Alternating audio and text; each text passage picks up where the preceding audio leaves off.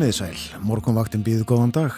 Það er förstu dagur, komin 24. februar og klukkunum vantar nú nýju mínútur í sjö. Umsjónamenn þáttarins Björn Þó Sigbjörnsson í Reykjavík og Gíja Holmgeistóttir á Akureyri. Góðan dag Gíja. Góðan daginn Björn. Er komið vor, hugsaði ég þegar ég kom út í morgun, þannig var veðrið en uh, svo rifið ég stöðut upp fljótt að uh, það er hann februar en þannig var veðrið í morgun hlýtt og gott gott að koma út í daginn þannig var það í Reykjavík og er ekki líka ljómandi veður á Akureyri Jú, það er nú ljómandi veður. Ég hugsaði nú ekki um vorið þegar ég steg út í morgun. Það var undir forsmarki hér á Akureyri en það mun hlína eftir því sem líður á daginn. Akkurat. Og já, það var 60 hitti í Reykjavík klukkan 6 þrýr metrar á sekundu, skíjað. En hlýra á Kvanneri sjöstega hitti þar, þrýr metrar sunnanátt. Fimmstega hitti í Stikisólmi, skíjað. Fjóra gráður á Patrísfyrði, hitti við Forsmark í Bólungavík. Líka á Hólmavík, logn þar, einstigs hitti í Littlu Ávík, þryggjastega hitti á Blönduósi, en einstigs frost við Söðunisvita og hitti við frostmark klukkan 6 á Akureyri, logn allskíjað. Tekjastega frost á Húsavík, einstigsfrost á Rauvarhöfn og tekjastega frost bæði á Skeltingstöðum og á Eilstöðum, logna báðum stöðum, einstigs hitti á höfni Hortnafyrði og þryggjastega hitti á Kvískerjum, ein gráða á Kirkjubæðaklustri, sjöstega hitti á Stórhauða í Vestmanægum og vindræðin 7 metrar, suðvestanátt, þrjár gráður í Árnesi, uppsveitum Árnesíslu og vægt frost á hálendinu. En Gíða, þú ert búin að kynna þér horfurnar fyrir daginn. Já, það eru svo hljóðandi. Það er vaksandi sunnanátt 8 til 13 fyrir hátegi með vætu á köplum. Það er hægari og þurft austan til á landinu, hiti 0 til 7 stig, kaldast í insveitum á austurlandi og það er vaksandi sögulega átt í kvöld sunnan 15 til 23 metrar sekundu á morgun hvassast um norð-vestanvertlandið en hægari vindur austan til á landinu. Viða rigningan þurft norðan og austalands heiti 3 til 9 stig og ef maður lítur svona aðeins fram í vikuna já, inn í helgina og aðeins hérna inn í byrjun næstu viku þá eru hítatölur enginandi það er, það er híti í kortónu Já, uh, sínist gert ráð fyrir 11 steg að híta til dæmis á Akureyri sítaðis á þrýðudag Já, þá er nú eiginlega voru komið Það er líf og fjör á Akureyri þessa dagana, það er vetraf í skólum og uh, þá hafa margi fyrir sig að fara til Akureyrar á skýði. Það er hægt að skýða þetta ekki í hlýðafjalli? Jú, hlýðafjall hefur verið bara opið og allt gengi vel þar.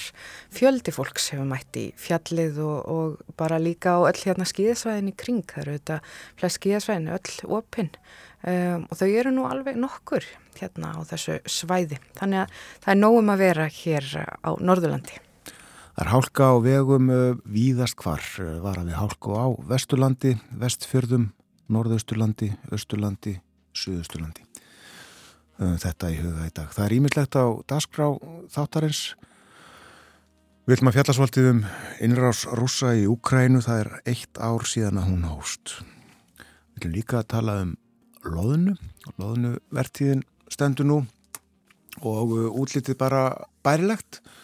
Við ætlum líka að eh, spyrja hvernig á að eh, skapa gott andrumsloft meðal starfsfólks á vinnustad þannig að því líði vel í vinnunni. Þetta er mikilvægt. Og uh, svo er það tónlistin og fyrsta lag þáttarins þennan morgunin syngjaðu saman Helena Ejjólfsdóttir og Þorvaldur Haldússon.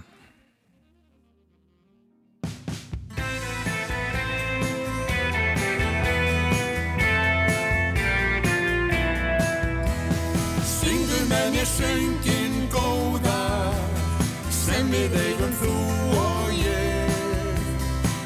Sestu mér við hlið, síðan höldum við saman okkar við Serðu hvernig sjórin glitrar og sólinn lest við heimsins brú.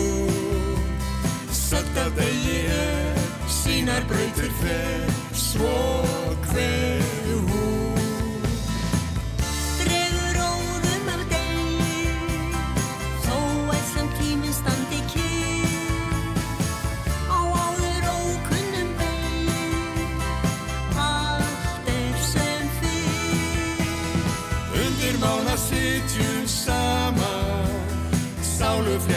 tröst og reyn Þögul minning er Mótuð einmitt ég Og meitluð í stein Hvernig sérðu, hvernig veistu Hvað í mínu hjarta slær?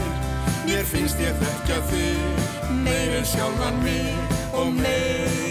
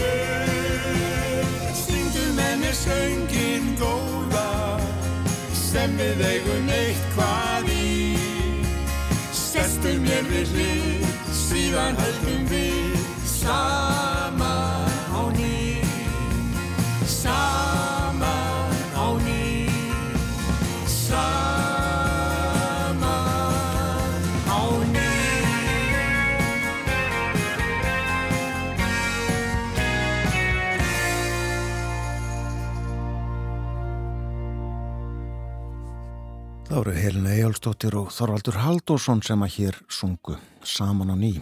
Karl Olgesson samt í lægið, Bræði Valdimar Skúlason gerði þennan taksta. Það líður að fréttunum hjá okkur, uh, fyrsta fréttatíma þáttarins hann kemur á slæðinu sjö eftir tvær mínútur, við heyrum fyrst auglýsingar og eftir fréttir fyrir við ítalega yfir dagskráð þáttarins, við lítum í blöðin, innlend og erlend og uh, svo lítum við aðeins í sögubækurnar. Fylgið okkur endilega inn í daginn.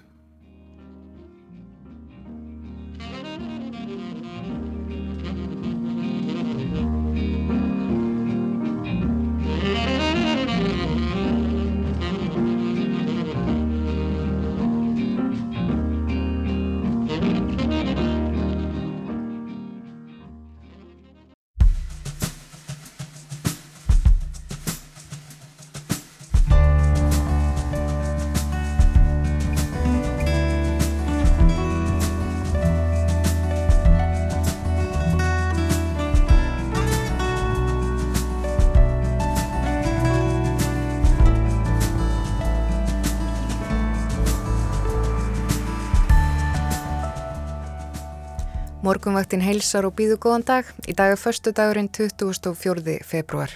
Um sjónumenn þáttarins eru Gíja Holmgjastóttir og Björn Þór Sigbjörnsson. Við viljum að fjalla um Rúsland í þættinum í dag. Ár er síðan rússar réðust inn í Úkrænu og enn er barist. Vinaþjóðir hafa stutt Úkrænumenn með ymsum hætti, með vopnum og peningum og álíktunum og reyndum leið að draga úr mætti rússa með efnahagsþvingunum og útilokkun frá alls konar alþjóðastarfi. En hver er staða Rúslands í dag meðal þjóðana? Hefur Pútín málað ríkið út í hort með skadlegum afleðingum fyrir land og þjóð? Við veltum því fyrir okkur með Jóni Ólafsinni, professor við háskólan. Hann þekkir vel til Rúslands bæði sögu og samtíð. Jón verður hér klukkan halv átta. En eftir morgunfréttir þá fjöldum við um, þú segja, landsinsgagn og nöðsinjar. Já, það má segja það. Við ætlum nefnilega að fjallum loðnu, en talsvert af hrigningarloðnu mæltist á landgrunnin norður af Húnaflóa og í ljósi þessara frétta þá verður loðnu kvótin líklega aukin um 100.000 tonn að lámarki. Við fáum til okkar Hörð Sævaldsson, lektor og deildastjóra auðlinda deildar við háskólan á Akureyri og fræðumst betur um þessa verðmætu fiskitegund og hann hörðu verður hjá okkur að loknum áttafréttum. Og frá loðnunni beinum við sjónum okkar að framúrskarandi stopnun. Eh, það verður í síðasta hluta þáttarins, þá sláum við á þráðin til Árna Ólasonar, skólamestra mentaskólans á Egilstöðum, en skólinn hlaut nýlega nafnbótina stopnun ársins, samkvæmt könnun samikis, annað árið í röð. Við höfum að verinu, ljómandi veður, víðast hvar á landinu núna í morguns árið, en það tekur að kvessa eftir því sem líður á daginn, bætir hægt í vind í dag, segir veðurfræðingur í hulöðingum. Um hádegi verður uh, sunnanátt, vindræði að 13 metrum, en uh, á miðnætti, í kvöld sem sagt, uh, þá 15 til 23 metrar. Það verður kvassast í vindstrengjum á norðanverðu Snæfellsnesi og á vestfjörðum. Rigning eða súld með köplum en hægari og úrkomi lítið um austanvertlandið og það hlínar í dag, hiti að 8 stígum. Svona eru horfurnar fyrir daginn. Já, þá skulum við fara og líta á, á færð á vegum. Það er nú ekki öll skeiti vegagerðan að komin í hús. Um, það er aðeins, eh, eða vantar á höfuborgsvæðin og söðu vestulandi, en það var nú góð færð þegar þú laðar á staði í morgun. Vor veður í lofti, er það ekki Björn? Jú, ég, ég vildi reyndar ekki taka alveg svo djúft í árinni en, en, en ég, svona í andartak hugsa ég er vorið komið en svo eins og ég saði hér fyrir frettinnar klukkan 7 mundi að það er ennþá februar. Já, akkurat. En á Vesturlandi þá er hálka eða hálkublettir á víða á fjallvegum og í borgarferði er kvítarvallarvegur lokaður við síkisbrytnar vegna skemta á brúm og í dölunum er talsvertum brótólur í vegum og svæðinu og eru vegferðandi beðinir um að fara þar um með gátt. Á vestfjörðum er hálka og hálkublettir á flestum leiðum, þæfingsfærð eru norður í Árnesrepp. Á Norrlandi er hálka og hálkublettir víða og sömuleiðis á Norðausturlandi. Það er hálka eða hálkublettir á flestum leiðum og þó er snjóþykja á Hófaskarði.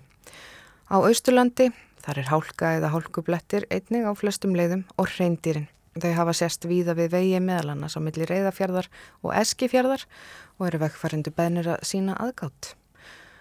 Suðausturlandi þar eru hálkublettir á milli Víkur og Lómagnúps og Suðurlandi er greiðfært að mestu en varað er við hættu á bróttólum í Malbyggi á milli Laugavats og Gullfoss. Já, svona er færðin á vegum landsins. Við lítum í blöðin, byrjum á íslensku blöðunum. Á fórsíðu morgunblæðsins er mynd af eblingarfólki sem að mótmælti í gær verkbanni aðtunureikenda það uh, tekur gildi í næstu viku annan mars. Og eflingafólk kom saman í Yðnó og mótmælti líka við Alþingishúsið og Stjórnaráðshúsið og myndin tekinn þar. Solveig Anna Jónsdóttir formaður eflingar þarna fremst í flokki eflingafólkið í gulu vestunum með uh, skiltin, hótelin eru í okkar höndum stendur hér á nokkrum þeirra stöðum spillinguna stendur hérna líka og uh, áleitranir á skiltunum á líka ennsku og pólsku. Nú, það er fjallaðum uh, stýriðið á fórstíðu morgunblæðsins og þann ánga þess sem að byrtist okkur hér á Íslandi engum í því að uh, á 3000 flótamenn frá Ukrænu hafa leita hér hælis frá því að stríðið hófst með innrás rúsa. Konur og börni miklu meiri hluta flótafólks og uh, móttaka þessa hóps, þessa fjölmennahóps hefur gengið vel í öllum stórum dráttum, rætt hér við Gilva Þór Þorstinsson, hann uh, stýrir þeim málum af halvu stjórnvalda mestur vandi hefur verið að útvega húsnaði vel hefur gengið að finna fólkinu atvinnu þótt ekki hafi allir fengið vinnu í samræmi við mentun og reynslu, segir hér. Flestir flottamanna um 700 uh, eru með atvinnu á höfuborgarsvæðinu Frettablaðið uh, fórsýðu mynd þess uh, tekin í Úkrænu eitt ár frá innrásinni í Úkrænu segir hér í texta og uh, þarna má sjá já, rústir húsarústir eftir sprengju árásir. Og það er fjallað um húsnæðismarkaðin hér í stóru fórsíðu fréttinni. Fyrstu kaupendur eiga afar erfitt með að komast inn á fastegnamarkaðin, bæði vegna vakstahækana og húsnæðisverðs, einnig vegna strángra viðmiða um hlutfall greiðslubyrðar af tekjum. Rætt hér við Kára S. Fridriksson, hann er hagfræðingur hjá húsnæðis og mannvirkjastofnun en uh, nýlega kom skýrsla, mánaða skýrsla stofnarinnar um húsnæðismarkaðin og Kári segir, ég heyri það frá fastegnarsölum að margar keðjur eru að flosna upp út af fyrstu kaupendunum. Keðjur já, fyrirsagnin, uh, fyrstu kaupendur splundra keðjum á fastegnamarkaði. Það er uh, áttið það að, að þegar fyrstu kaupendur hætta að uh, þá er, eða eru ekki að kaupa íbúður, þá er erfitt að, að selja og fólki sem á þæra þá er erfitt með að stekka við sig og þarfram eftir gutum og fjallaðum þetta ítalega í frettablaðinu í dag. Þetta nefnum við bíli allavega af uh, útsýðum íslensku dagblaðana. Já, við skulum þá færa okkur út í heim en erlendu fréttameðlarnir þeir eru nú auðvitað litaður af þessum degi eins og þeir íslensku. Það er stríðið sem að enginnir forsýður uh, flestra, allra, allra blada má segja og að segja að, að fréttameðlarnir séu litaður af þessum degi það er einmitt eiginlega rétt á orðið. Það má nefnilega víða sjá þennan bláa lit og gula litin, liti Úkrænu og það er fjallað um það í gerkvöldi það var kosið á allsýrða þingi saminuðu þjóðana og það voru 141 land sem samþykti tillöguna sem að er að rúsar hverfi tafalust frá Úkrænu og það voru 32 land sem sátu hjá og sjögreitu atkvæði gegn tillögunni þeirra á meðal og Kína og Indland og það er verið að rína svona í þessar niðurstöður en það er ríma við niðurstöður í kostningum fyrri áleiktana sem hafa verið frá því að stríðið hófst þannig að afstæða þjóða hefur lítið breyst. En hér á fórsíðu New York Times er minnst á hvernig Póland hefur stutt diggilega við Úkrænu með því að taka á móti miklum fjölda úkrænsk flotta fólks, fleirum en nokkur önnur þjóð og þetta er satt í samingi við að Póland hefur nú yfirleitt verið frekar um, lítið að, fyrir að taka á móti flottafólki en það hefur ekki verið í, í, í tengslu við flottafólk frá Úkrænu og fleiri en okkur önnur þjóð eins og stöndur hér. Um, og viða eru dregnar upp persónlegar sögur fólk sem hafa þurft að flýja stríðið og það er til dæmis gert hér á fórsíðu informasjón í Danmörku. Það er mynd af úkrænskum mæðgum sem að fengu skjól þar. Og þetta er hugljúf mynd. Þessar mæðgu þar eru eins peysum. Ég sé nú ekki alveg hvað stendur á, á þessum peysum, það er eitthvað um ástina. Og móðurinn hallar sig fram og kissir dóttur sína á ennið. Þetta er nýju ára stúlka. Og þær mæðgur þær flúðu strax í upphafi strísins eins og svo margir. Já, það eru margar þessar persónulegu sögur, hörmungar sögur í rauninni sem að um, eru að já, hafa verið í, í umfjöllun þetta ár. Í frettatímanum hér áðan var leikið upphafið að sjónvarsfrettunum að uh, kvöldi 24. februar 2022 og uh, við skulum heyra hér að ganni upphaf morgunvaktarinnar frá því fyrir akkurat ári Björn Þór Sigbjörnsson undir í töður og Guðrun Haldunadóttir stóði vaktina uh, klukkunum vantar hér nýju mínútur í sjöamotni.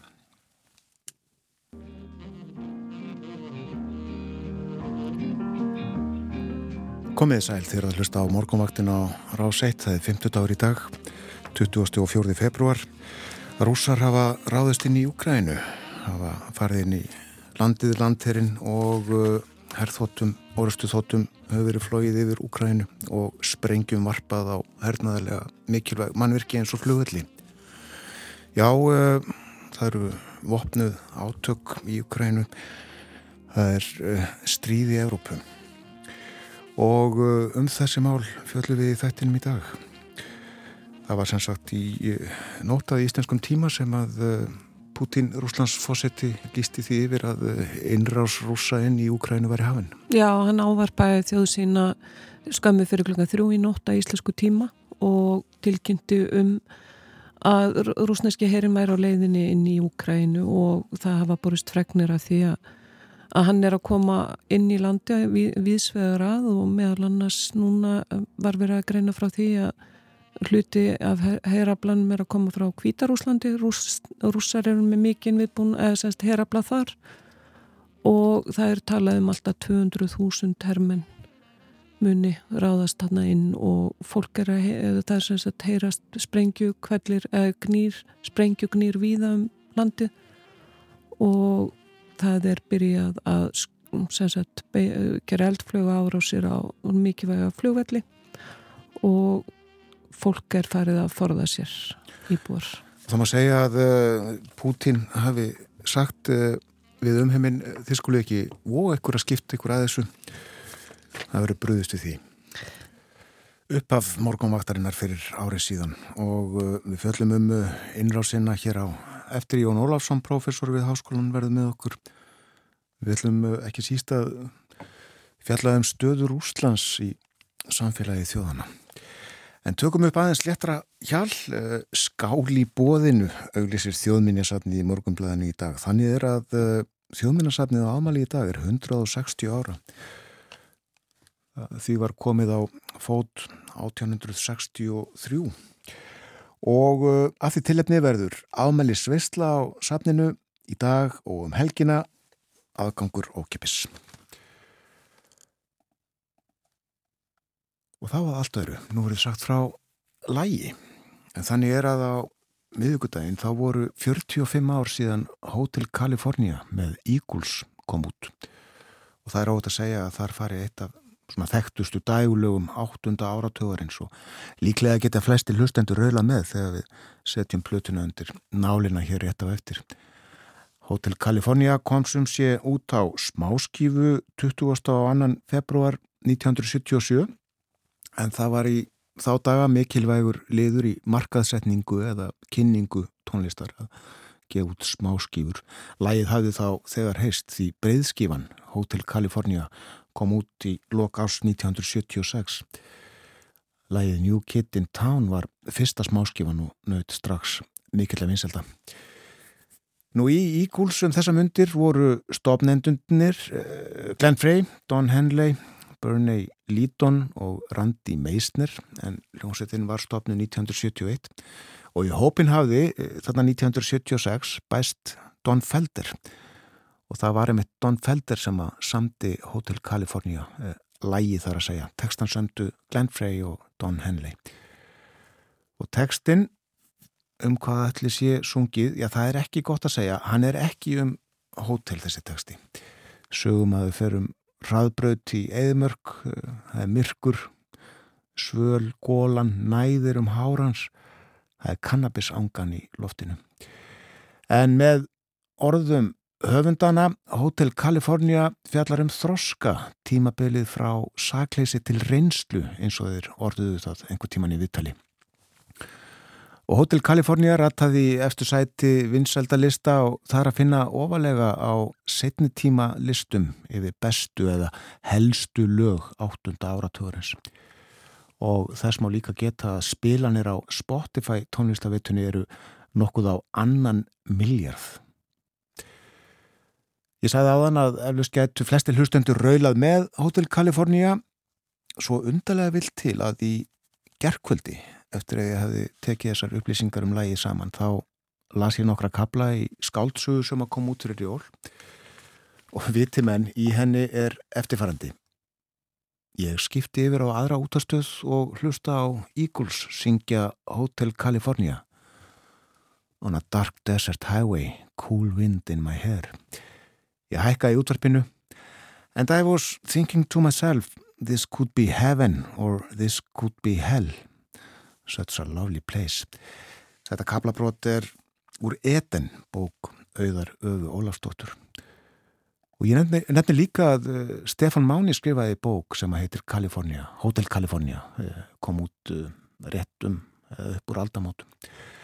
En við skulum hlusta á Hotel California. Hér er leikið á tvo tólstrengja kassagítara, tvo rámasgítara og uh, bassa, trómur og slagverk og uh, svo eru þetta sungið.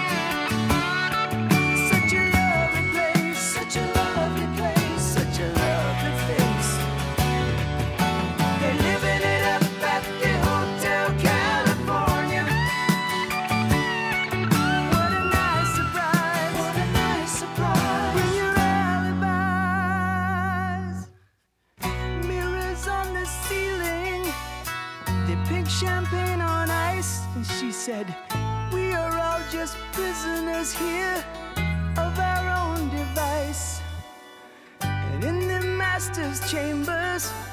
They're gathered for the feast. They stab it with their stealing eyes, but they just can't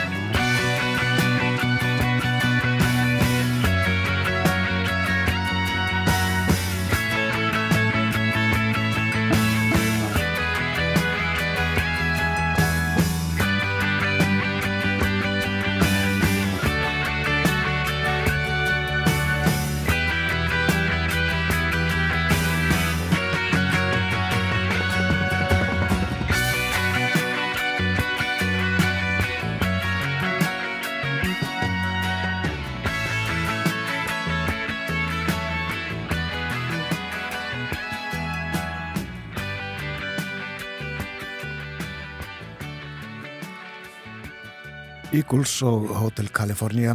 45 ár síðan þetta lag kom út kom út á smá skífu og Eagles þeir eru ennað og uh, eru á hljómleikaferðalagi. Og það eru tónleikar í kvöld. Hljómsettin leikur í Palm Springs í einmitt uh, Kaliforníu. Bæði kvöld og morgun og uh, sé ekki betur en það sé hægt að fá miða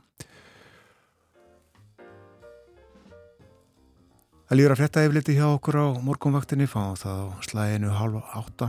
Eftir það verður Jón Ólafsson, professor með okkur, við ætlum að uh, tala um innráðsrúsa í Úkrænu. Það er ár síðan að hún hófst, við ætlum engum að uh, fjalla um stöðu Rúslands í samfélagi þjóðana.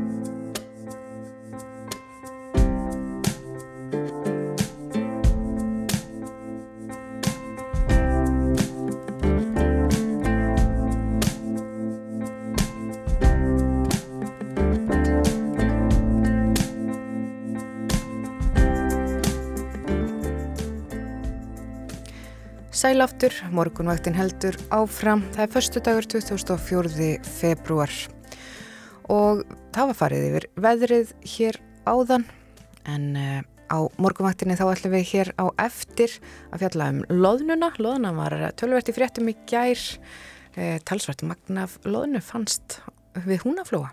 Svo í lók þáttar þá verður slegað þráðin austur á land og það er skólamistari mentaskólans á Egilstöðun sem verður á línunni og segir okkur frá því hvernig já, fyrirmyndastofnun er stýrt.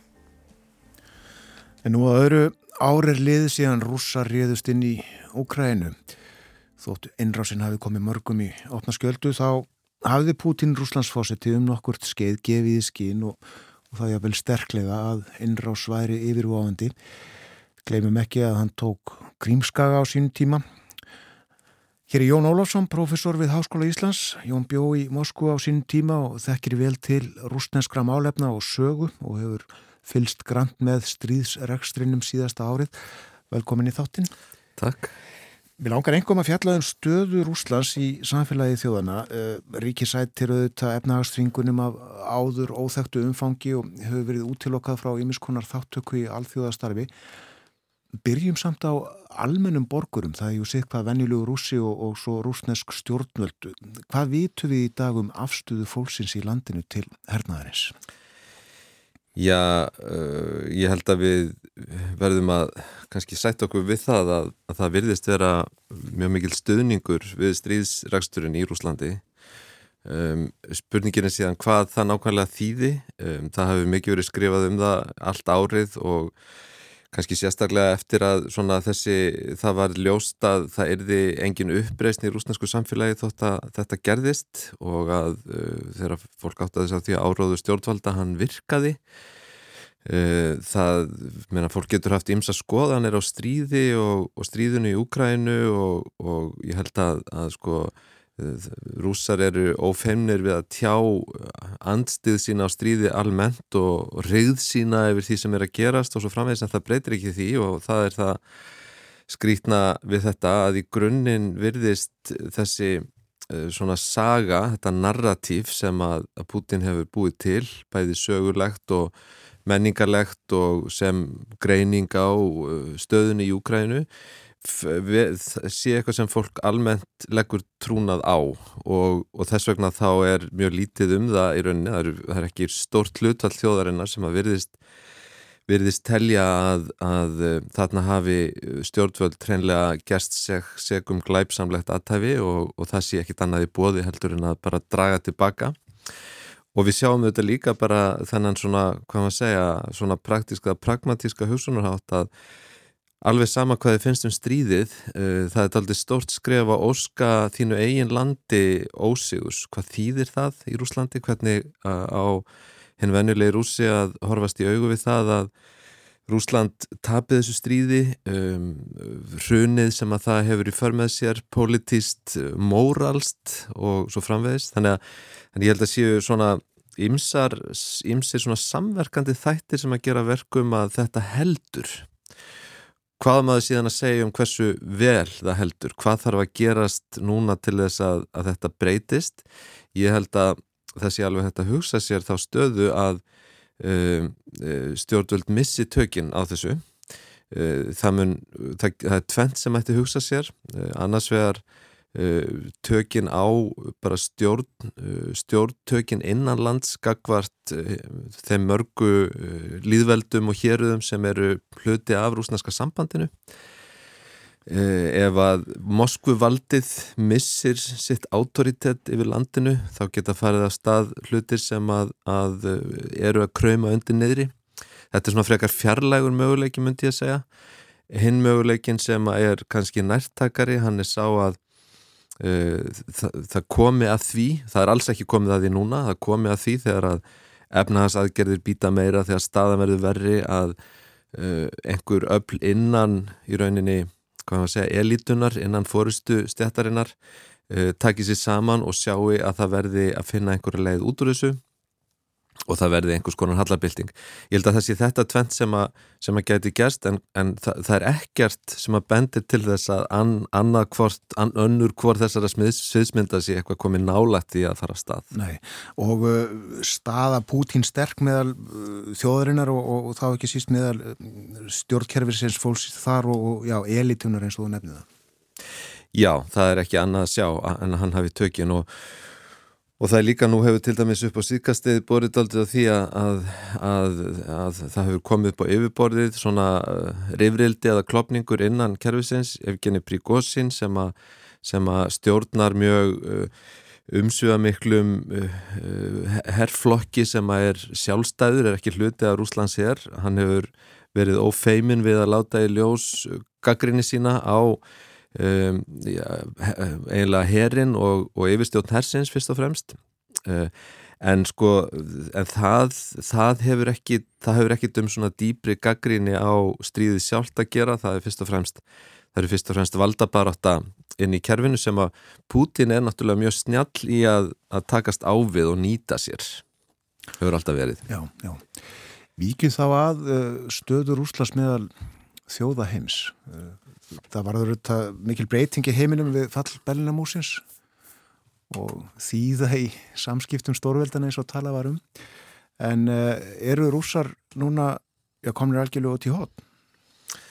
Já, uh, gagvart Vesturlandum uh, það gegnir öðru máli þegar við förum austur til Asju eða til Afríku eða jafnvel fleiri staði heiminum og, og, og þegar að til dæmis maður eins og Sergei Lavrov utan ekki sá þegar að lýsir stöðunni að þá segir hann uh, við fólkja uh, í rauninni stiðja flestur okkur.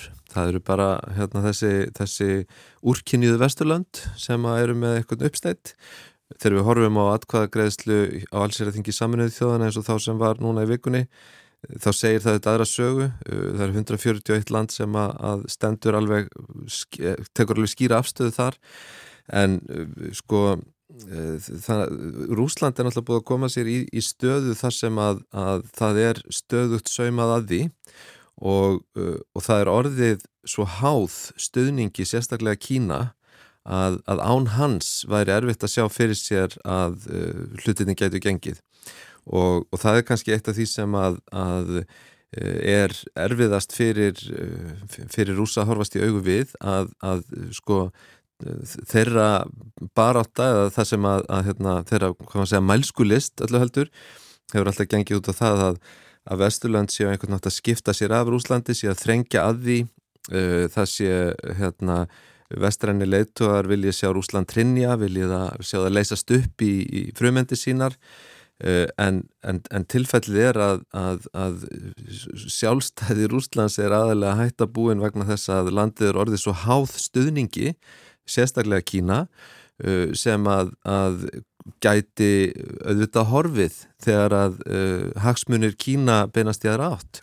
Núna, bara í dag, þá eru kínverjar að leggja fram fríðartillögur í mörgum liðum ég hef nú svo sem ekki lesið það í smáatrið, menn eftir því sem ég sé á fréttum að þá, þá er fyrst og fremst verið að horfa á uh, leiðir til þess að bjarga alþjóða hakkerfinu. Það er að segja að það er verið að hugsa um að stöðva átök, uh, fá aðilað samningaborðinu en sérstaklega skapa einhvers konar, einhvers konar sátt um það að halda alþjóðakerfinu gangandi. Þannig að þessir, þessar tillögur hvað svo sem uh, þær er að gera að þá endur spegla þær greinilega þann ótt að kynverja að þetta, þessi átök séu að draga uh, allan heiminn inn í efnahagslegt ástand, inn í politist ástand sem að, sem að getur orðið algjörlega óþúlandi fyrir Kína. Já, já. Þannig að það er ekki Kína í hag að, að rússar haldi áfram þessu stríði og, og það er ekkit sjálf gefið að þeirra stöðningur sé þeirra megin áfram. Nei, mitt. Mér finnst þér hafa kynverjarnir svona sleið í og úr en, en er almennt litið svo á að þeir stiði rússana? Já. Já. Það er þá, ég menn núna í upp á síðkastið að þá hefur hafa þreyfingar rúsa verið í þá átt að fá sem sagt jafnvel vopn frá Kína? Það hafa verið mjög hátsettar hérna, heimsóknir og, og svo framvegist þannig að eins og sko öll merkin í dag eru þau að stuðningur Kína sé að aukast frekar en hitt. En, en ég held að, að, að þegar er horta á hverjir hagsmunir Kína eru þá sé ekki hægt að ganga út frá því að, að það muni þróast áfram þannig. Nei ríki á Vesturlöndum eiga almennt enn er það ekki í formlegu stjórnmálasambandi við Rúsland? Jú, það er, er nú held ég í flestum tilfellin þannig. Það er ekki, og það, það var hérna fyrst eftir að stríðið byrjaði, þá var þetta aldrei talað um þetta, meðal annars hér á landi að, að slíta stjórnmálasambandi, reka, sendi menn heim og svo framvegs, en það hefur ekki verið gert og ég held að almennt að þá sé nú uh, svona, séum við nú á því að, að, að það sé það sé þó allavega betra að hafa kanalana að opna frekar en hitt. Og uh, rúsar enn með neitunumvaldi í öryggisræðu samnið þjóðan eða hvað? Já, það er náttúrulega, uh, er náttúrulega þannig að, að uh, saminuðu þjóðurnar er ekki að leysa þetta mál uh, þar, þar stoppar, stoppar allt, það er, það er aðalega þetta sem að gerist í allsýrðinginu núna að, að það sést hver stuðningurinn er uh, og og það sést bæði að, að hérna, uh, er ekki, hann er ekki óbreytanlegur, það er til dæmis bættist eitt ríki á stuðningslista Rúslands núna í vikunni, það var Mali. Og, og reyndar þegar það var greitt atkvæð uppalega þá voru fjögur lönd sem að voru stöttu Rúsland, það voru, það voru sjö núna, í, í, núna síðast Þannig að, að, að það, það er verið að vinna þetta að því og það er eitt af því sem að, að rúsna stjórnvöldir að gera. Þau eru að fara um allan heim og, og reyna að fá stuðning við sig og með litlum árangri að vísu en, en, en ég meina það er, það er heimurinn er að skiptast í tvær blokkir. Það er náttúrulega þróun sem hefur verið í gangi alveg frá upphafi. Þetta er að þýleiti er stríðið hefur það þessar heimstrialdarlegu afleiðingar að báðir aðilar þurfa að, að afla sér stuðnings um allan heim. Hafa rúsarnir eitthvað að bjóða? Um, já, þeir hafa nú alltaf eitthvað að bjóða. Þeir hafa, þeir hafa nú lengi haft til dæmis uh, hérna, vopn að bjóða um, og sérstaklega þegar um er að ræða fátagrík í Afríku að þá er ímislegt sem að getur verið þeim í hag í, í góðum tengslu við Rúsland. Já. Eh, þessar eh, efnahagsþvinganir sem eru umfangsmeiri heldur en við höfum séð áður efnahagsþvingunum hefur nú oft verið beitt eh, hafa þær bitið síður heldur en já, þú bjóst við? Já, að kannski, kannski er mitt gott að spurja sko, við hverju maður hafi búist. Um, ég held að uh, það fylgir umræðanum efnahagsþvinganir uh, oft þessi uh, þessar væntingar að annarkvort býti það er strax eða býti ekki. Ég segi fyrir mig þó ég sé nú engin sérfræðingur í efnahagsmálum að þá fannst mér alltaf mjög ótrúlegt að það myndi eitthvað gerast strax varðandi þær Rúsland hefur búið við efnahagsþvinganir í mörg ár og það er alveg það er alveg til svona, hvað maður segja, þeir eru vanir því ástandi. Þetta eru þvinganir sem eiga sér enga hliðstæðu en Á móti kemur að, eh, að tekjur rúsa af sinni, sin, sinni olju og gasi, það er eh, júkust frekar en hitt á síðast ári. Það var samdráttur sem var miklu minni heldur en hafi verið spáð uh, og, og í dag að þá bæði segja stjórnvöld eins og Putin til dæmis í, í, í hérna árlegri ræðu sinni uh, núna á þriðudaginn segir sko þetta skiptir engum máli uh, hann, hann segir svipað og hann gerði 2014-15 og segir sko þetta hefur bara, bara örfandi áhrif á okkur. Og, um, og hérna uh, og það, almenningur svona það sem maður heyrir er ekki að finna fyrir uh, þessu venjulega verðbolgu, verðhækkunum hækkandi mataverði, minna vöruframbóði það er eitthvað slíkt að gerast en það er ekki svo mikið að það hafi verulega áhrif, það er minna heldur en við ymsar aðrar aðstæður sem fólk þekkir. Þannig að ég held að ef við horfum á, á stöðun eins og hann er í dag uh, þá já, hefur, þetta hefur ekki haft mikil áhrif. Hins vegar þá er kannski það sem við erum að tala um hérna eitthvað sem hefur áhrif langt, langt inn í framtíðina. Uh, í dag til dæmis að þá eiga rússar enga möguleika á að halda við sínum flugflota.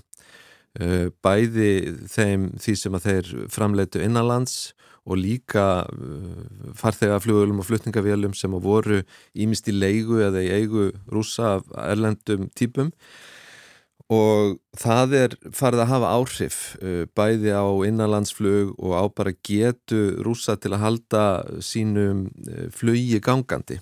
Þetta á bara eftir að versna. Það eru áallanir um það að sko stór auka flugula framleiðslu innanlands en, en það er svona misjátt hvað fólk hefur mikla trú á þeim áætlunum og, og sko Rúsland er ekki Íran, Rúsland er risa, risa stort land sem að þarf á miklu umfangsmeiri miklu umfangsmeiri sangvangukerfi að halda, ég menna vegakerfið er mjög frumstætt uh, og svo framveist þannig að flug skiptir miklu máli, þetta er eitt.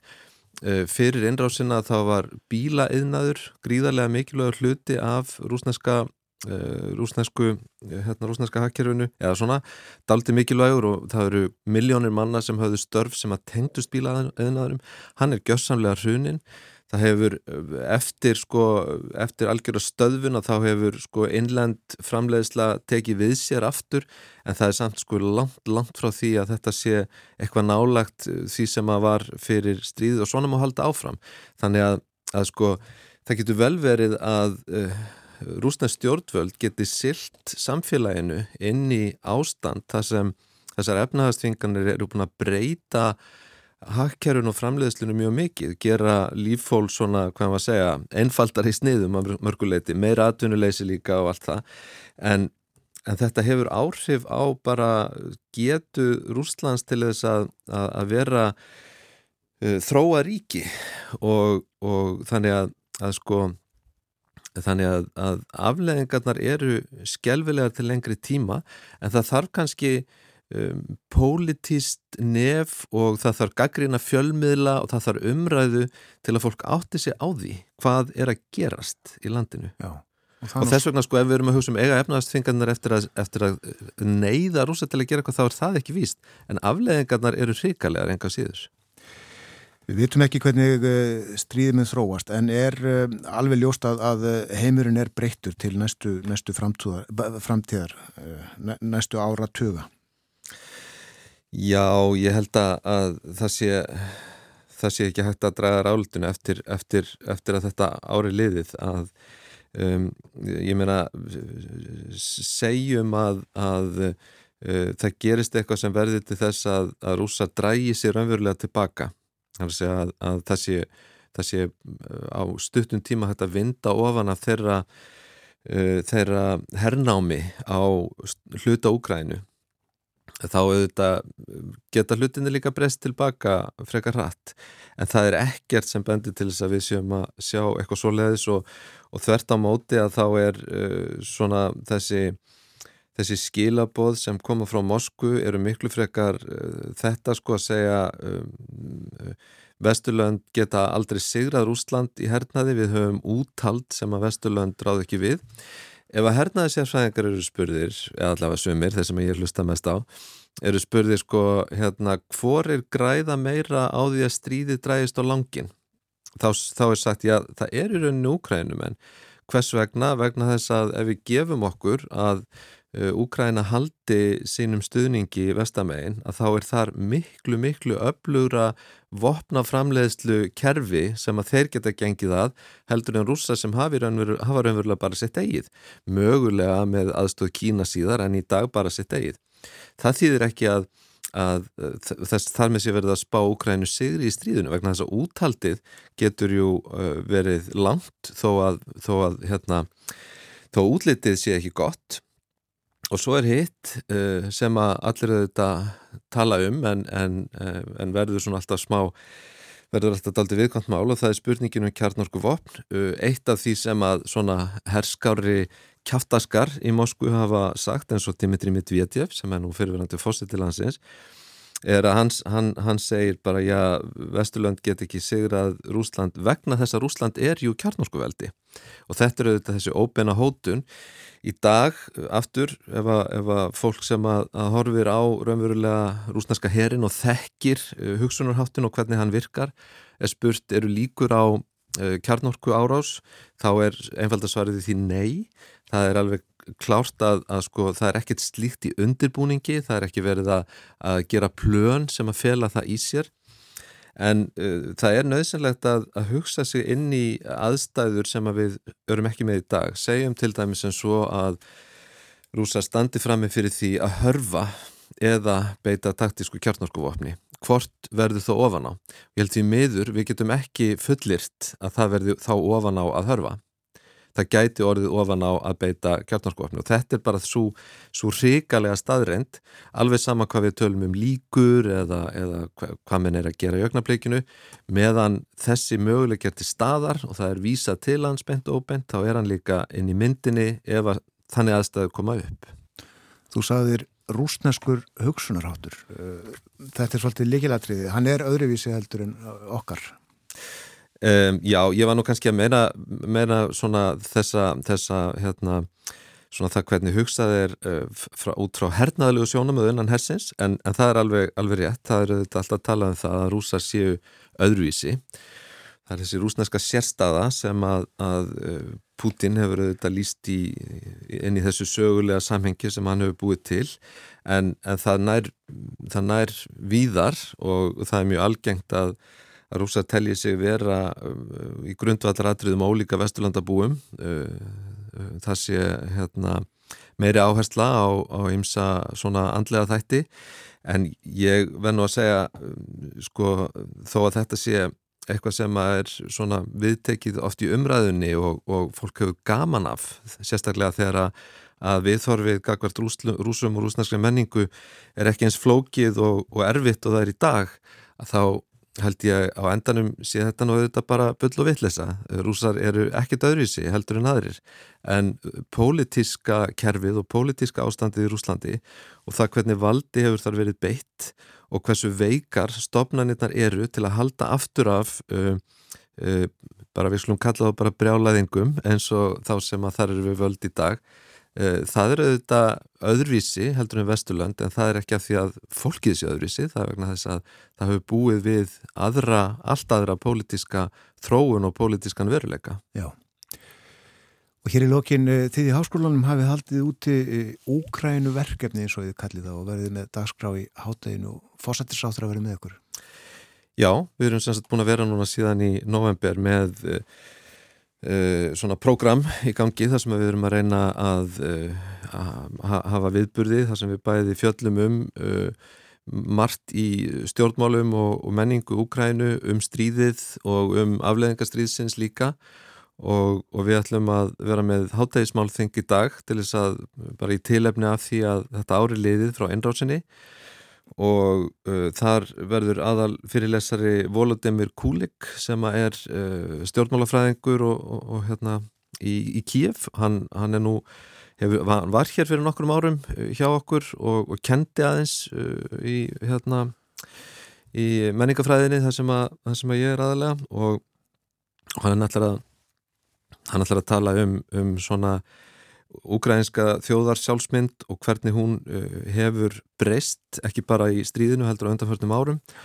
Og líka þessa spurningu um hvort að Úgræna sé fjöldþjóðlegt ríki og annað slikt og, og Katrín hún ætlar að ávarpa samkomuna líka.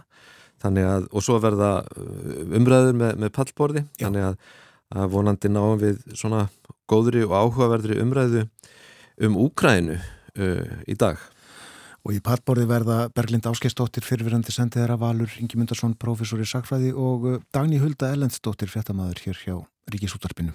Tónlist líka, bæði fyrir og eftir erendi og umræður. Og Jón Ólafsson, fundastjóri.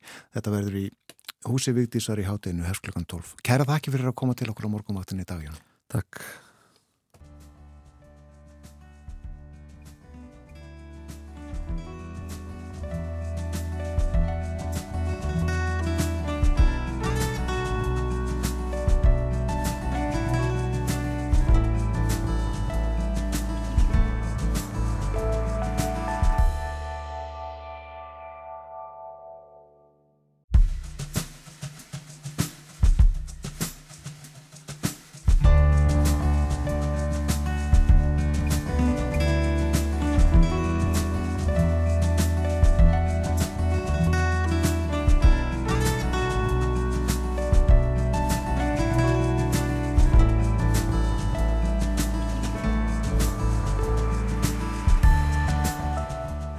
Sæl aftur þegar það hlusta á morgunvaktina á rás 1 klukkan farin að ganga nýju, það er förstu dagur í dag 20. og 4. februar og uh, veðurhorfur dagsins bara ágætar reynd uh, verður samt svolítið kvast í kvöld uh, á vestanverðurlandinu og við erum að sigla inn í og erum sild inn í klíenda kapla sínist mér uh, 10, 11, 12 stiga hitti jafnvel á sunnudaginn og áfram hlýtt og bara nokkuð oft og víða sól.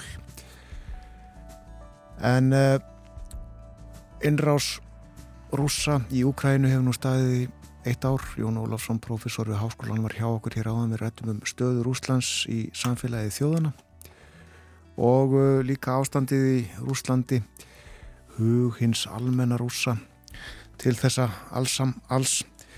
En uh, nú ætlum við að fjalla um allt aðra hluti Gíja, það er loðnan. Já, svo sannlega. Það er loðnan en í gær þá mátti nú við að sjá fréttir um að talsvert magn af hrygningalóðuna hafi mælst á landgruninu norður af húnaflóa það kemur vonbráðar í ljós hversu mikill, já, mikið loðnukotin verði aukinn. Líklega fer hann í 475.000 tonn en til að fræðast aðeins meira um þessa verðmætu fiskitegund og hegðun hennar er hingan komin Hörður Sævaldsson, lektor við Háskólan á Akureyri. Vertu velkomin Hörður. Takk fyrir. Jæja, hvernig heldur þau að uh, sjómanum líði núna við þessa fréttir? Sjálfsagt gladir, get ekki ímyndið með það, ég var sjómaður lengi, var lengi á loðinu. Þetta er alls skemmtilegsta veðurskapi sem hættur að koma stíla loðinu verð. Þú veist eiginlega svari eftir 20 myndi hvort það vel gengur, þannig að ég geti trú að þessu afarspendir en sjálfsagt líka séu stjórnundur í þessari atvinnugrein, það er að segja uppsjóðurinn eða með hausverk núna hvernig Já. að ná þessu öll í hús. Akkurat, loðnan, þetta er nú uppsjáfiskur eins og sagðir, kann vel við sig í köldum sjó og hún er svolítið svona ólíkindatól. Já, hún, hún getur vissulega verið brellin og, og þetta, loðanan er náttúrulega einn af fimm uppsjóðtegundur sem við erum að veiða hérna. Uh, ólíkt til að mynda botfiskina eins og þoski þá hérna, getum við ekki deiltu sinna á mánuðan og tekið hana þegar hún hendar, hún bara kemur og við tökum hana þegar hún kemur til að mynda svo núna er hrognartíðanbilið eða verið að frista hrogna fylla loðnum þetta er svona tíu daga gluggi svo kemur hrogna vinslan og eftir það er annað tíu daga gluggi og ef það er óheppilit viður annað þá, þá hérna, veldur þetta tölur um hausverki og ég held að menn séu svona, svona, strektar taugar í augnablíkinu að ná þessu. En er svo, þetta, er, þetta er mikill magn yðnar uh, ég held að rosalega margi gerir sér ekki grein fyrir þessu hvað þetta er í raun og veru mikið magn stikkjafjöldi mm. uh, og þegar maður, þetta, maður, þetta er svona eins og þegar maður talar um miljarda eða hundruð þúsunda tonna þá nærmaður ofta ekki alveg taktunum sko. Uh, við erum kannski að tala um hérna ef það verður, þessi viðbót kemur þrjú til 400.000 tonna aflega en við erum kannski að muna það að, yðnaðurinn er búin að stilla sig af fyrir 180.000 tonna vertið af, afkvæmst ekki þetta fiskimilsvegsmiðana, fristihúsana, skipin og annað bara aðlæga þessu. Skipin hafi ekkert verið kerða fullum afkvæmstum mm. og núna er öruglega allt komið á fullaferð við erum að draga björgi bú. Já, það er eitt skip farið uh, til veiða þarna á húnaflóa. Uh, það, það er nú fjöldi skipa sem er á loðnuvertíðinni. Er ykkur fleiri skip farin? Mm, ekki að ég sá á þann en ég sá álsi var hann á leiðinni vestur í gerkvöldi uh, uh, þetta eru samt ekki rosalega mörg skip. Það er allt rosalega stort í þessum yðnaði Þa, það er að segja, loðina sjálf er mjög lítil hún er bara 15 gram, Já. allt er stort skipin eru að koma með 2500 kannski 2000-2500 tonn í ferð. Uh, það er verið að frista 800 tonn á sólarring uh, fiskimilsvegsmjöðnir er, að- er, að- er að vinna úr 1000 tonnum á sólarring þannig að ég held að svona heilt yfir sé ansi mikið að gerast núna hérna. En eh, sko, það eru þessi hafrannsóknarskip mm. sem að er að meta stoppstærð loðnukvótans, eða sem að stoppstærð loðnu stoppsins og, og meta kvótan í kjölfarið. Um, af hverju er svona eh, happa glappa hv- hversu mikil, miklum kvóta er útlutað? Af hverju er svona erfitt að, að, að festa svona tölu á loðnuna? Það er vegna þess að hún hrygnir sko, loðunan er nokkur hún, hún er búin að gera þetta eins í árhundruði eða jafnvel þúsundir. Hún gengur bara sumulegið, hún er fyrir Norðurlandi, gengur út fyrir vest-austfyrði með austfyrðum, þá getur að hrognafyllíkin er hendug, þá gengur hún upp á suðuströndin, einhver stóra hotnafyrði, gengur með suðuströndin og hrygnir þar, út ykkur stóra út af faxaflóa og svo reka segði norður fyrir land og alast upp þar og svo er náttúrulega farið undir ís við Grænland og þegar þetta er komið undir ís við Grænland þá er, gengur ekki að mæla loðnuna og svo kemur hún allt í undan ísnu núna, almennt hrygnur hún fyrir sunnan Já. í faxaflóa. En það gerist leinni kringum 1925, Bjarni Sæmisson hefur skrifað um það, að þá var hann talað um hann rigna hérna fyrir norðan. Og það virðist vera að gerast núna og fyrir tveimur ánum líka, þá var loðna hérna fyrir norðan. Og þetta, þetta breytir kannski svolítið, svolítið stöðunni. En, en þetta er þessi flókni leikur að, að mælana, það þarf skip til að mælana og dæmis, þetta eru 20 uppsjóðskip sem eru á Íslandi, þau hafa verið að taka hlutaðum, hefur verið að taka þátt í loðnarnarsóknum til að komast yfir stærra svæði. Þá eru þau komið rannsóknar búnað um borð. Já, já, já. Og uh, þessi kvóti, ef hann verður aukin um þetta mikið eins og hafrannsóknar stofnun uh, áallar, Já. er þetta mikill kvóti svona í sögulegu samhengi eða? að þetta er náttúrulega svolítið svona 500.000 maður ljómar kannski eins og, eins, og, tonn. eins og jarðfræðingur sko en, en ef þú ferð aftur í tíma nógu langt loðinu verður hófu 64 Mm. en meðaltarsafli frá 85 til 2005 var 800.000 tonn á ári frá 2005 til dagsins í dag hefur hann bara verið 200.000 tonn. Þannig að í sögulegu samhengi já þú veist, með að við frá 2005 þá erum við að sjá svolítið búnhig ég er búin að vera að kenna nefndum mínum í sjávaröldsöðum um að með, með hérna hlínun hefur þetta reynst og til áskorun fyrir uh, kalsjóastofna því þeir geta, eða, þeir geta ekki klætt svo fötunum. Þeir, það er bara þannig, þeir verða það að færa sér til. Uh, síðan bara komur 500.000 tonna loðnaverti eða 400 og eitthvað þúsund tonna 450 og stefnir í jafnvel 400 núna og ég bara á ekki svari við þessu, þannig er hún að snúa okkur. En það segi ég alltaf við mína nefndur við, við þjálfum það upp í því að reikna í Excel. Flest á að passa inn í Excel og þá að vera útreiknalegt og mælanlegt. En loðunan passa bara ekkert í Excel-skjöl hún snýr á mannfólkið endalaust. Og eru glæðið ána með það? já, já, endalega, en hún hefur, hún, hún hefur lifið af. Hún hefur lifið af ímsa, ímsur áföll hjá okkur. Sko, þetta ferðalag, loðnuna, þú aðeins fóst inn á þetta áðan, uh, en nú erum byrjuð að hrigna þarna í húnaflóa og sjómenn segja að þetta sé nú óvanalegu staður til þess að vera að fara á veiðar á þessum tíma og þú talaðar um hlínun sjáar. Helst þetta eitthvað í hendur? Já, maður trúði því en eins og með annað þá virðist hún snúa, snúa á þetta þarna kemur virðist vera tölvöld magna á ferðinni eh, sem Hárásson var að benda á við það var hann kannski heppilegt að við myndum veiða þá þennan hluta fyrir norðan en við getum ímyndað okkur sko loðnun þetta fyrst og fremst er að, er að koma við, við nýtum hlutafinni það er svo kallar aflaragla þar sem við, við nýtum hluta mannfólkið kvalitni fá ákveð, fugglarnar ákveð svo tekið fá þorskurinn og annar, aðri botfiskar ákveð og svo veiðu við í raun og veru afgangin uh, þú sér bara eins og núna það er verið að bera rosalega mikinn lífmassa og fæðu inn á hafsvæði fyrir norðan þannig að ef við horfum til framtíðar þá er maður mjög svona, horfum jákvæðum augum að fá allt, alla þessa fæðu inn þá veltum við fyrir sem við þosku aðra tegundur hérna fyrir norðan, ef hún fer að hrigna hérna fyrir norðan að staðaldri en, en við höfum nú séð sko, hún færði sér aftur þegar að kólnaði og ég veit ekki hvort það er að kólna eða ekki en, en allavega með við stönd, erum hérna á Akureyri núna og þeir eru allt aukt úti sko, þannig að Já. það er, og veit ekki alveg svari við þessu Og já, það eru hýtatölur og ýmislegt, en, en, en svo tölum maður sem innviða uppbygginguna á þetta því að svo eru það vinslutnar sem að hafa nú aðalega byggst upp sko uh, hinumegin á landinu, Já, uh, en þetta kannski breytst sko, eitthvað. þegar að loðnuöfnin hann, hann datt mjög hratt niður árið 2005 og það hefur verið þannig bara í stjórnvöðum Ísland þá hafa stjórnvöld skili boltan eftir hjá innanum og þess að þið verið bara að leysa þessa, þessa flækju og, og innöður fór í það að hagra. Þeir fækkuðu skipum um helming, þeir fækkuðu fiskimsjösmum um helming uh, og, og þeir stækkuðu hverja eina einingu en þær liggja með austfjörðum og svo tvær í vestmanni uh, og þetta eru þetta eru mikil afkvöst sem að hver og einn getur gert en auðvitað snýr þetta svolítið á kerfið. En á móti kemur, skipin geta borið mikið magn frá þá vestfjörðum ef þetta er eða stúrt í húnafló inn á, inn, inn á Östurland þannig að þetta er kannski ekkit mikið lengra þegar á heildinni liti sko. en mér finnst mjög gaman að ég, ég held að stór hluti fólks átti sig ekki á afkvöstunum í þessum viðnæð af því að við erum venjulega, þú veist, við erum í skáp sem henda fyrir okkar heimilisaðstöðar eða þóttafil eða eitthvað, þannig er alltaf búið búi að byggja upp yðnað sem að þarf að ná ykkur inn á cirka mánuði. Já. og það er alveg flestir fyrir húsverði geta frist 800 tonn á sólarring á tíu dögum getur þau frist alla lambekjusframlegslu á Íslandi. Já. og þessi, þú veist, loðin er 15 gram á hverjum degi er verið að, er frista svona 50 miljón einstaklinga í hverju fisk, fiskiðveri veist, þetta, er, þetta er allt svo stórar tölur sko, þeir eru að frista 10 kíló á sekundu sko, Tíu kíló á sekundu sko, þetta, er, þetta eru svo stóra tölur, þetta ruggla marga en þú veist, þeir eru búin að skipulegja sér núna því að hrognin eru verðmættistu hlutin Já.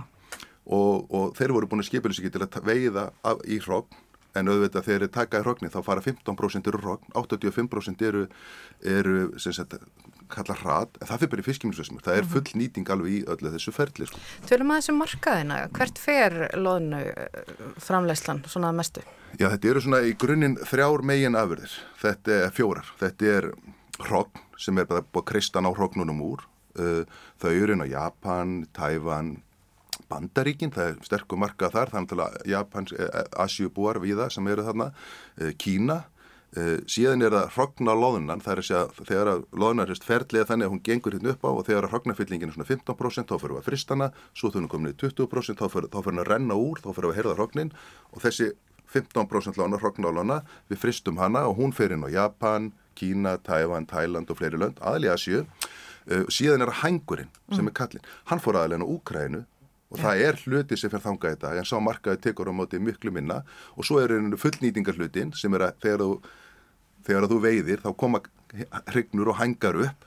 Og ef þú ert bara að frista hrygnu þá er helmingurinn kannski hængur og þá fyrir hann í fiskimilisösmön og það eru fiskimil og lísi sem eru raun og veru fjóruða stóðin í þessum og það fyrir aðalega, ef við tölum fiskimil og lísi þá fyrir það aðalega til Norex í fiskaldi, lagseldi og Skotland og Færiar, þetta er aðalega eh, sem sagt hágjað aðveri fyrir, fyrir fiskimils, nei fyrir fiskaldi Og þetta eru mikil verðmæti.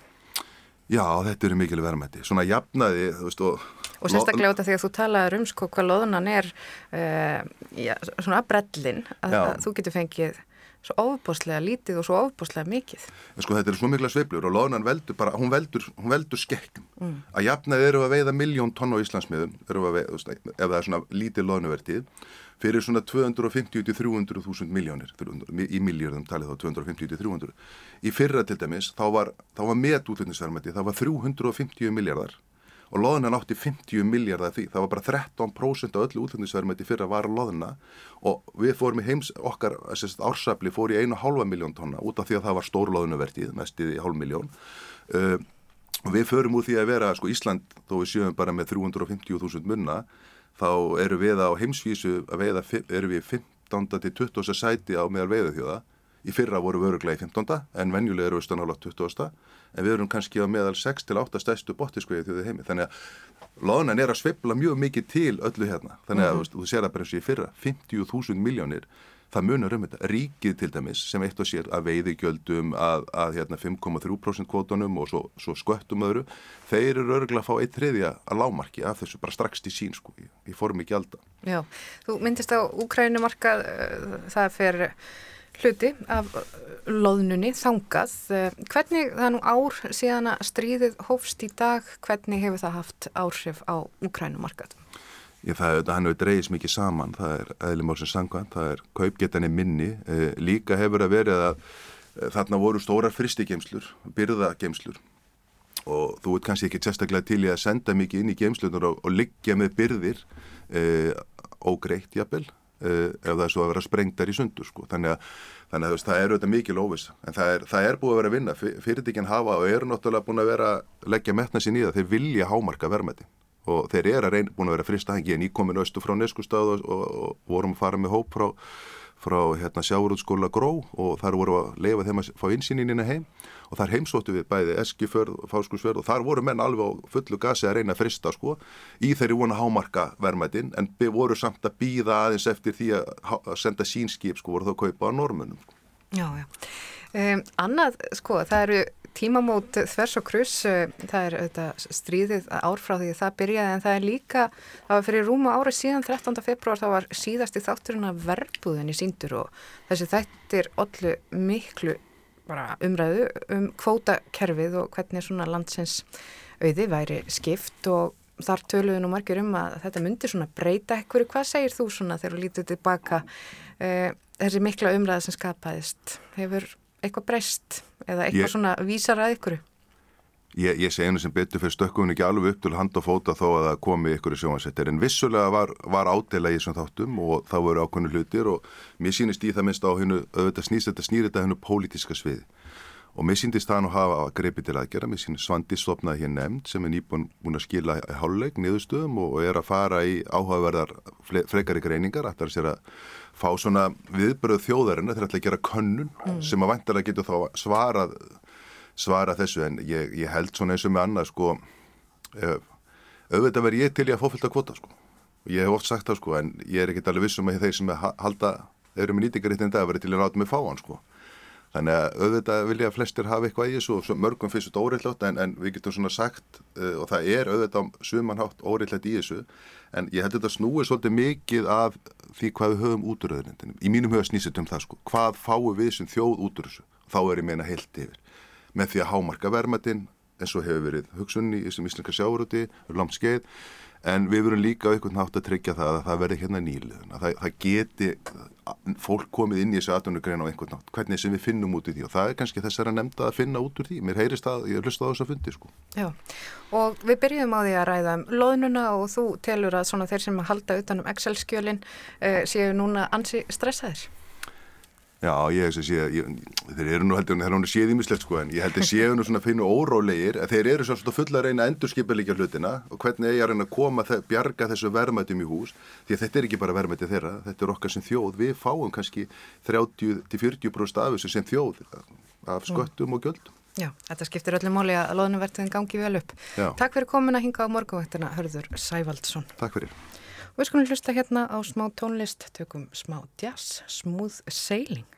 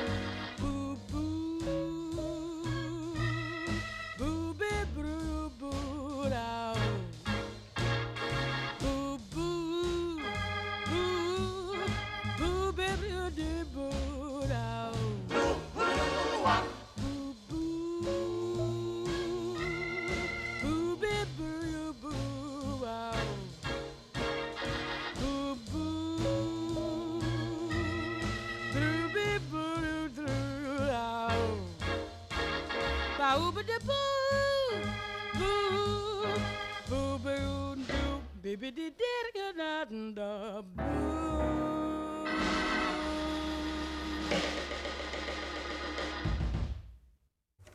Já, þetta var hún Ella Fitzgerald hér með lagið Smooth Sailing og þetta var kjölfarið á spjalli mínu við hann Hörð Sævaldsson um loðnuvertíðina sem er núna í fullum gangi og eitt skip farið til veiða á húnaflóa. Framöndan, frettæfi litið hjá okkur kemur eftir fimm minútur. Eftir það þá spyrjum við uh, hvernig á að skapa og hvernig er uh, úrvals starfsumhverfi fyrir fólk skapað. Til svara verður Árni Ólarsson, hann er skólamestari á Eilstuðum.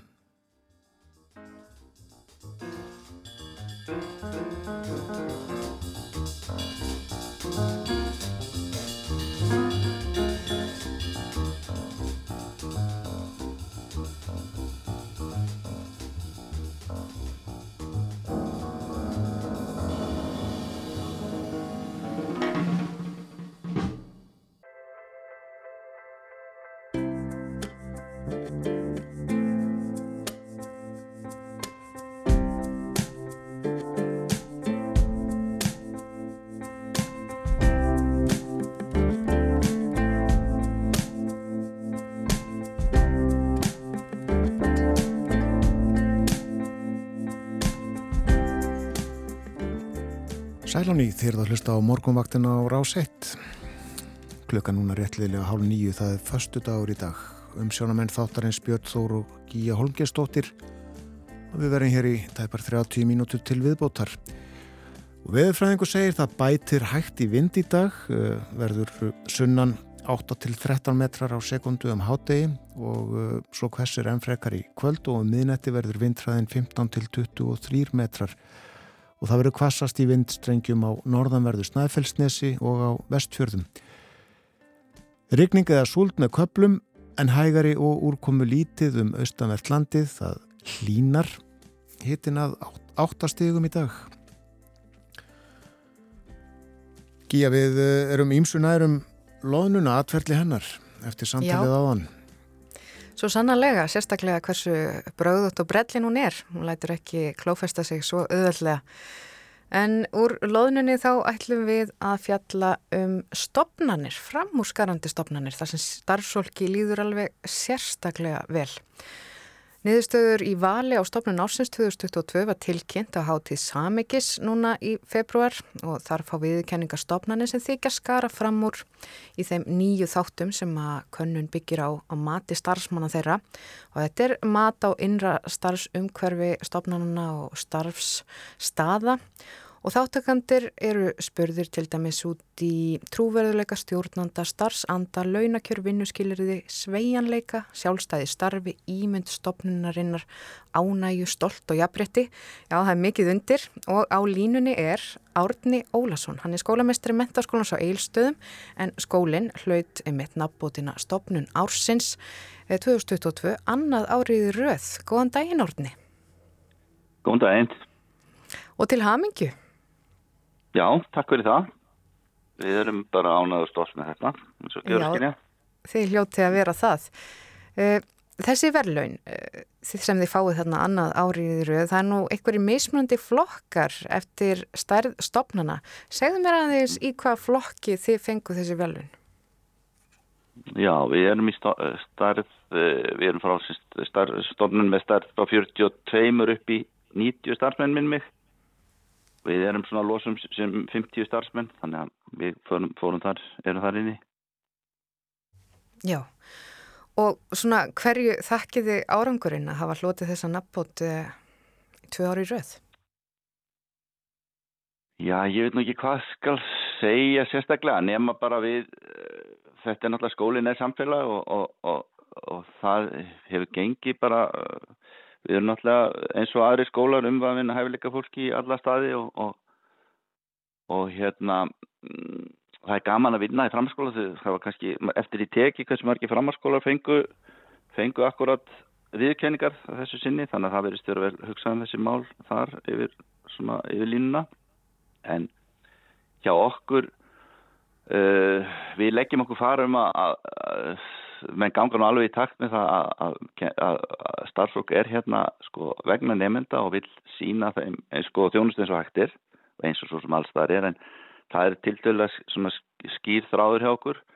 Samskiptin við leggjum áherslu að hafa góð samskipti bæði hérna okkar á milli og eins við nefndur og það er mjög svona árenslu löst og, og þægilegt í alla staði er til dæmis, hurðin hjá mér er opinn allavega fyndaði viku, raun og veru fyrir alla bæði kennara og, og nefndur og við leggjum okkur fram um að að sinna þeim því sem að ég líti það með sem mitt hlutverk raun og veru að bara retta því sem er að fara pyrramenn það er tekið á því en að verðu vandamáli og það hefur gefist það er ótrúlega lúmst og, og skemmtilegt ef menn fara þá leiðina Já. og þá náttúrulega eru menn, er, er menn í, í þeirri aðstöðu geta bara sýnt sínu sko og, og við hefum líka lagt miklu áherslu að endur nýja tækjakost þannig að, þannig að þeir starfsmenn sem er að vinna hérna hafi, hafi góða aðstöðu, góða aðstöðu og, og, og geta bara sýnt sínu raun og því sem þeir eru góður í og það er líka verulega hamingju aukandi held ég. Já, og starfsfólki hlýtur að vera stolt af þessum árangri Já, það var bara mikið gleði hérna á, á hérna, síðasta fymtaskvöld. Við vorum reyndar í heimsókn á Tvöllaska í öðrum framharskóla þegar þetta, þegar þetta var tilkynnt. Þeim er frábærstofnun líka og, og var raun og verið nummið tvö í sínum starfflokki á þetta Já. sama kvöld og, og þannig að það var, já þetta var svona hálfgett byggarkvöld þarna hjá okkur og og fögnuðu þið þessar tvær stofnari árangrinum saman, sagt? Já, við vorum reyndar, það, við vorum nýkomnir þarna úr, á fundi hjá þeim. Þannig að það var nú ekki, við vorum að sitt korum fyrir þeim en, en, en örglega hafa mér nú gert það svipað svipa um hætti. Þú talaðir á þann um að, að, að það eru víða mentastofnani sem eru þarna að skara fram úr. Og mikið til líka svona í, í efstu sætum mentastofnanir á landsbyðinni og það má nefna fjölbrytarskóla Suðunisja, framhalskólinn í Vestmanni, mentaskólinn á Ísafyrði og það er sá skóli sem er, já, svo stofnun sem er hástökkvar í ársins og svo þið og þú nefndir þarna uh, Tröllaskaga sem var líka uh, ofalega á bladi. Uh, hvað heldur að sé ástæðan fyrir því að, að þessar stofnanir standa svona vel að við? Já, mm eins og okkar, við búum mjög vel, bæði til þess varandi aðstöð, það er, það er góð heimaðust hérna, frábært mötuneyti og, og öll, svona, öll aðstæða sem að lítur að bæði starfsmennum og nefndum er í raun og mjög góð, við leggjum með það að halda húsónum mjög vel við, við. þannig að það er allt mjög reynd og snittið þá, með frábært starfsfólk akkurat í stóðþjónustunni þar bæði, bæði húsverði og ræstur og, og, og starfsminni mötunetti þannig að það er bara svona úrvalsfólk sem að maður horfi bara á vinna vinnu sína. Og, og þegar minn er í þessu uh, þannig umhverfi starfsminn leggja sér fram með, með sína góða síði og það er talað við alla og menn með bóðum góðan daginn og þá er þá held ég að restin sé svona pínlíti á, á leiknum sjó Já, og það lítur að vera gott að vera nefandi í skóla sem að, uh, já, þar sem starfsfólkið er ánægt. Já, ég held að það er blöðt aldrei líkilna því. Ánægt starfsfólk býr til ánæði nefnendur, sko, svolítið. Segðu mig þá aðeins að nefndahópnum í mentaskólanum á Eilstöðum. Hvað er þið með marga nefnendur og hvað enkennir hópin? Við erum með sína, við erum með 200 nefnendur núna í dagskóla og við erum með tæpilega 400 nefnendur í sömu áfengum í fjarnámi Þannig að við erum svolítið svona óhefbundin í læinu með, við aðra framhanskóla. Það eru svona 40% af okkar ásnefnum eru í gegnum fjarnám og það er auðvitað, það þýðir það að við höfum og við erum búin að vera mjög lengi með fjarnám, erum flinkir þar, þykjumst flinkir þar, erum að keira hérna, Canvas kennslukerfi sem að, það kerfi sem að háskólarnir nota sem er mjög gott og þægilegt fyrir alla sem að það nota Já. og hérna og menn er orðinit, kennar eru mjög flinkir að hjálpa hverju öðrum og eru orðinit mjög tæknilega flinkir. Það er mikil umræð hér um, um, skó, um bara kennslumál og skólamál og, og svona menn eru lausna með þeir og, og skemmtilegir og eins bara uh, gott andurslott, menn taka sjálfans ekkit of hátíla og það er bara mikil gleð og glöymur hér svona í, í, á, í þeim skilningi að menn eru hérna, menn virast vera ánæðir vinni, það er svona öll merki sem sína með það. Og nefnda óperinu mikið í fjarnámi og, og þá væntalega dreifður um allt land og kannski um allan heim eða? Já, já, allan heim. Við erum með talsað mikið af íþróttamönnum út um allan heim, okkar fólki sem er farið út og, og getur ekki sýnt í að sínu mentskólanámi og venluðan hátt og bara alls konar fólk. Við erum útskjöða fólk sem er aldrei komið hérna til Íslands þann tíma sem að var í námið til dæmis og, og þannig að það er verulega skemmtilegt að geta sagt frá því. Mm. En hvað með kennarahópin? Er hann líka dreifður um allt land? Nei, við erum nú með okkar kennari hér á stan. Við erum náttúrulega með 200 manna dagskóla og, og með bara, held ég maður segja, bara gott hérna, námsmannbóð með við bóknarskóla á, á, hérna á landsbygðinni og partur af því er náttúrulega hversu margir er í fjarnámi. Við getum náttúrulega leikt okkur, við erum með kennarahóp sem að sem að ef þetta væri bara dagskóli upp á 200 manns þá væri við kannski með svona 12-13 kennara í staðan fyrir að vera með 26 þannig að þú getur ímyndað hversu þetta skiptir náttúrulega sköpum fyrir hérna, fjölbreytileika skólans og, og, og þá leikæði og vilt orða þannig. Já.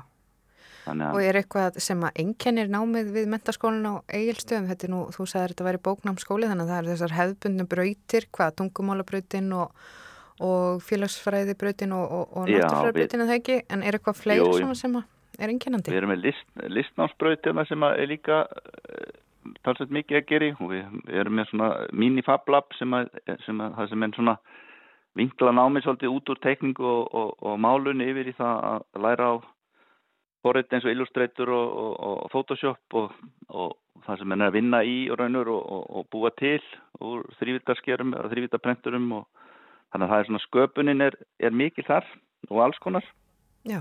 og sem er mjög skemmtileg, skemmtileg viðbót, þittulega nýlega hjá okkur. En annars Já. er þetta hefðbundna félagsgreina á náttúrufræði, við erum með málalínu, íþróttalínu og, og heilbyrðislínu og þannig að við getum raun og veru ítt fólki í svona targetað, fólk ef að veit bara hvað það ætlar að fara í, í háskólanum, í hverju sko, þá reynum við að sinna því mjög vel þannig að það náði þá, farið þá, þá leiði það stopp ekkert. Já, já. Þannig að við erum með mjög öfluga nefnda þjónstu sem, sem að sinni því mjög vel. Akkurat. Árni, þú kendi nú sjálfur við skólan uh, sko í mörg ára áður og nú varst skólamestari heldur að það sé ekki einmitt gott að stjórnandi geti sett sig inn í aðstæðu þeirra sem að starfa svona á gólfinu eins og það stundum orðað. Jú, jú, ég er náttúrulega, ég byrjaði hérna sem kennari 92, ég byrjaði hérna sem nefandi á fyrsta skóla árið 79, þannig að ég hef eiginlega verið hér í öllum hlutverkunum, má segja, og eiginlega, já, síðustu 30 árin og síðan var ég hérna mistkosti 4-5 ár sem nefandi á sín tíma, þannig að maður hefur séð að það hjálpa manni náttúrulega gríðarlega mikið. Og ég er mikið þannig að ég, ég lappa um og sé svona hvað er, það er auðvitað erfitt að segja mönnum sem að vera svona lengi við stofnuna hvað, hvað hérna, maður sé strax hvað er að og hvað er ekki að. Getur, maður getur ímdað sér það varandi svona ímislegt þannig að það er ég lítið á þessum kost og það er auðvitað bara heiður og, og, og búinlega gaman, það er svolítið sérstætt að geta hlakkað til að fara í vinnuna hvern einasta dag eftir 30-40 ár. Maður, það mátt segja mig það engt tíman það, það er svolítið, er það nú bara. Það er nú mikil forréttindi. Já, það er auðvitað bara mikil forréttindi. Og frábært En Árni, ég hef svona heyrti í gegnum þessar, þetta talðitt eh, frásögnina af svona starfinu að, að þú, eh, það er mikilvægt að greina pyrring meðal svona sem að hefst og, og, og taka strax á honum og, og það er góð hlustun sem að er, er mikilvægt fyrir stjórnanda. Um, er eitthvað fleira svona sem að þú getur nefnt sem að er mikilvægt að hafa í huga? Nei, ég kemur náttúrulega svo sem úr var þjálfar í ára tíu sko, ég veit alveg gildi þess að, að, að hópar virki, þannig að það hefur hjálpað mér svolítið meiri margt kannski í, í svona djópi og, og, og hérna, og þetta bara ganga sko með góð ganga undan með góð fordæmi, það skiptir máli. Já. og hérna og þú ert auðvitað sko, auðvitað, menn eru það sem ég gera ekki það sem ég segja sko og, og, og ekki bara skilur þannig að það er mjög mikið að, og ég held að það sé svona lína sem við erum búin að ná hérna bara listilega vel. Þetta með að, að gera, gera vel, gera sitt besta tjónustan nefndur og um leið bara sko brósandi og ánað með sig og sitt, það er náttúrulega verulega gott og ef að koma brestir í það þá reynum við að reynum við að bara berja í þá sem fyrst sko. Og það er óbúrslega stutt að bóðleið hérna. Já, það, er, það lítur að vera gott já, það er eitt sem er, ég legg miklu ásla. Ég er mjög ákvarðan að sækja og tekur örgulega oft vittlust ákvarðan en ég er fljótur að taka bara nýja ákvarðun. Já, Það er eitt sem hefur líka gefist vel. já, já, já. já. Þannig að það er svona liðsheild sem þú ert að skapa. En Árni, hver eru svona næstu verkefni hjá þér, skólameistara mentaskólans að eilstöðum? Já, Í, í dag bara- sem sagt, Hva, hvað ber dag. dagurinn í skauti sér?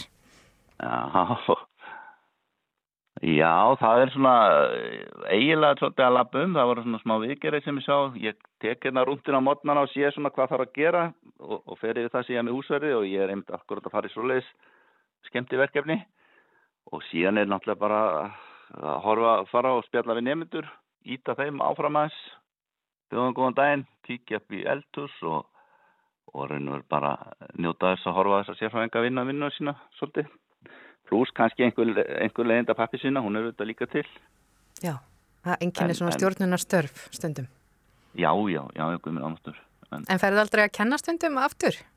Tekur upp, ferðu í Ég Íþróttakennsluna eða, eða, eða já, hvað kennslu sem það kemur nú fyrir, sem betur fyrir sjaldan, ég þarf lítið að sína árið. Já, en hérna, ég hef ákvæmlega gaman að því, það er bara, bara bestamál og, og tel það ekki eftir mér. Og reyndar, reyni að ganga í öllu stör sem, að, bara, sem þarf, ef að þarf, bara fer í það. Mér finnst það skemmtilegt. akkurat. Já, það er nú bara ánægilegu dagur greinilega framöndan hjá þér, Árni Ólason, skólamestari mentarskólans á Egilstöðum. Ég ætla að spila lag hérna að lokum uh, og ég valdi svona austfyrska tóna, það er tónlistamæri Guðmundur R. með lagið einmunatíð. Hvernig líst þér á það val hjá mér? Bara mjög vel, smekk mannskja, það er bara frábært. Árni, takk fyrir spjallið og gangi ykkur vel í mentaskólanum á Egilstöðum. Já, sömulegis, bless, bless. Og þá skulum við setja á lagið með honum Guðmundi R.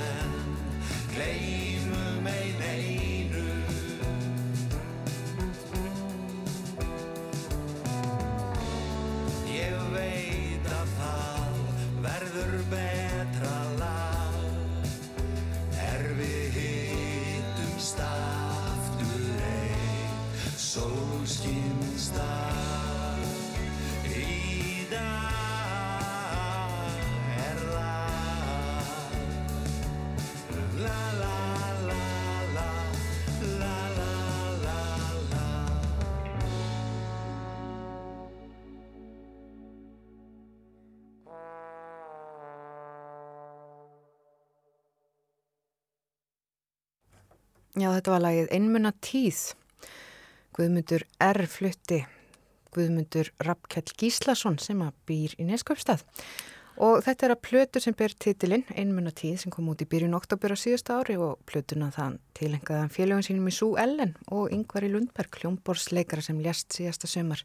Og þetta er þriðja platan sem að Guðmundur sendi frá sér á fimm árum og hans eigin sögn er þetta langbesta verk hans til þessa á 35 ára útgáðferðli.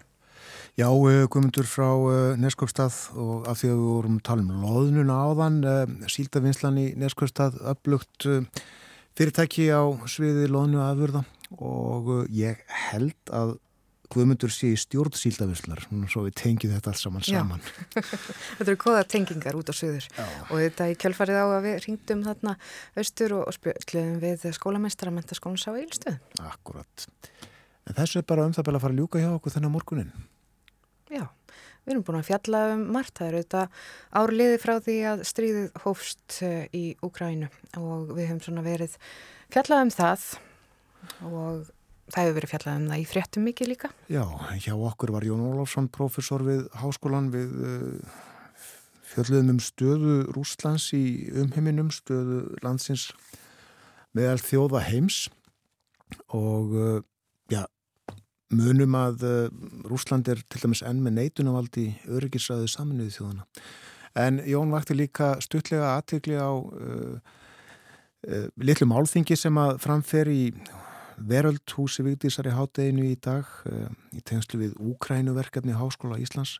Þar mun Katrín Jakobsdóttir fósættisráð þeirra flytja opnunar erindi og svo talar úkrænskur fræðimæður, uh, vísindamæður við uh, stjórnmála og þjóðfræði stopnun Vísinda Akademíu Úkrænu.